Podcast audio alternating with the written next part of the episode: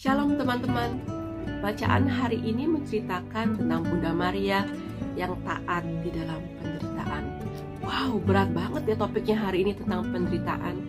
Siapa sih di sini yang nggak takut sama penderitaan ketika masalah datang?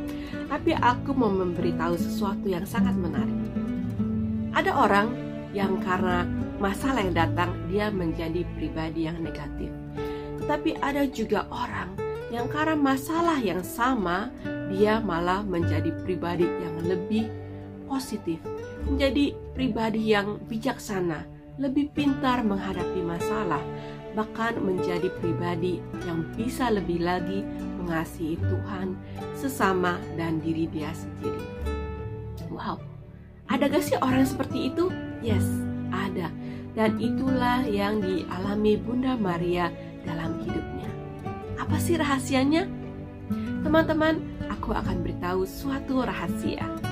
Kita mau belajar dari filosofi bambu. Teman-teman, aku mau ajak kalian untuk membayangkan. Ada sebuah pohon yang menjulang tinggi dan kuat. Tetapi ada juga bambu yang terlihat tidak sekuat si pohon dan tentu lebih tipis dari si pohon apa yang terjadi ketika badai datang. Ketika badai mulai datang, kita bisa melihat si pohon diam saja, dia tegak berdiri. Dan tetapi si bambu, dia mulai bergoyang. Ketika badai semakin besar lagi dan semakin kuat lagi menerpa, tiba-tiba akar dari si pohon ini terbuka dan terangkat dan pohon ini tiba-tiba rubuh tetapi si bambu tetap bergoyang, bahkan dia semakin menunduk mengikuti arah si badai. Ketika badai selesai, si pohon sudah jatuh tidak berdaya, sedangkan si bambu dari yang menunduk, dia kembali tegak berdiri. Apa yang bisa kita pelajari dari pohon dan bambu ini? Teman-teman, ketika badai datang, si pohon menjadi keras hati dan sombong. Keras hati dalam arti dia diam saja. Dia tidak melakukan apa-apa. Dia bahkan berharap untuk orang lain yang berubah, untuk situasi berubah untuk dia. Si pohon selain keras hati, dia juga sombong.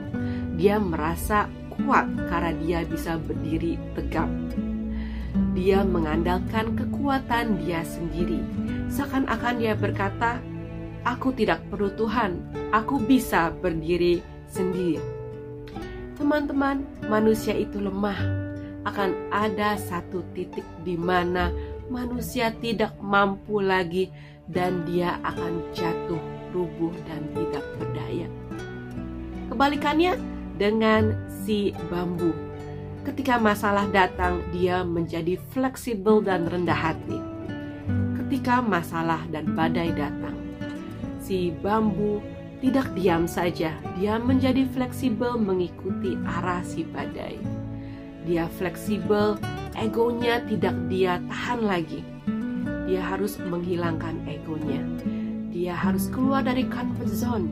Dia tahu diri dia harus berubah terlebih dahulu Jangan menunggu orang lain atau situasi yang berubah. Si bambu selain fleksibel, dia juga rendah hati.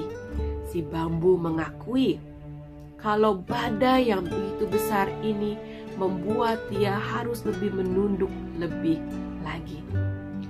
Si bambu tahu dia tidak bisa mengandalkan kekuatan dia sendiri. Dia harus menjadi rendah hati dan mengandalkan Tuhan Ketika dia mengandalkan Tuhan, di situlah kuasa Tuhan bisa bekerja lebih lagi untuk uh, memberikan perkara-perkara yang besar dan membuat hidup dia bahkan menjadi luar biasa lagi meskipun badai menerpa. Teman-teman, itulah yang kita pelajari hari ini. Di bacaan Injil, di situ dikatakan Nabi Simeon memberikan nubuat kepada Bunda Maria bahwa akan ada pedang yang menembus jiwanya. Artinya apa? Artinya dikatakan akan ada banyak penderitaan yang Bunda Maria alami selama dia hidup. Tetapi Bunda Maria tidak seperti pohon ini yang sombong dan keras hati. Bunda Maria menjadi seperti si bambu yang fleksibel dan rendah hati mengikuti rencana. Sehingga ketika badai selesai, Bunda Maria kembali berdiri tegak di mana kemuliaan Tuhan mengikuti dia. Seperti perkataan Bunda Maria, aku ini hanyalah hamba Tuhan, terjadilah padaku menurut kehendakmu. Teman-teman, permasalahan hidup apa yang sedang kamu alami saat ini? Mari kita belajar, jangan seperti si pohon yang keras kepala dan sombong mari kita belajar seperti si bambu yang fleksibel dan rendah hati. Sehingga permasalahan apa pun yang Tuhan izinkan terjadi di hidup kamu akan membuat kita tidak menjadi turun, tetapi membuat kita semakin naik bersama dengan Tuhan untuk kemuliaan.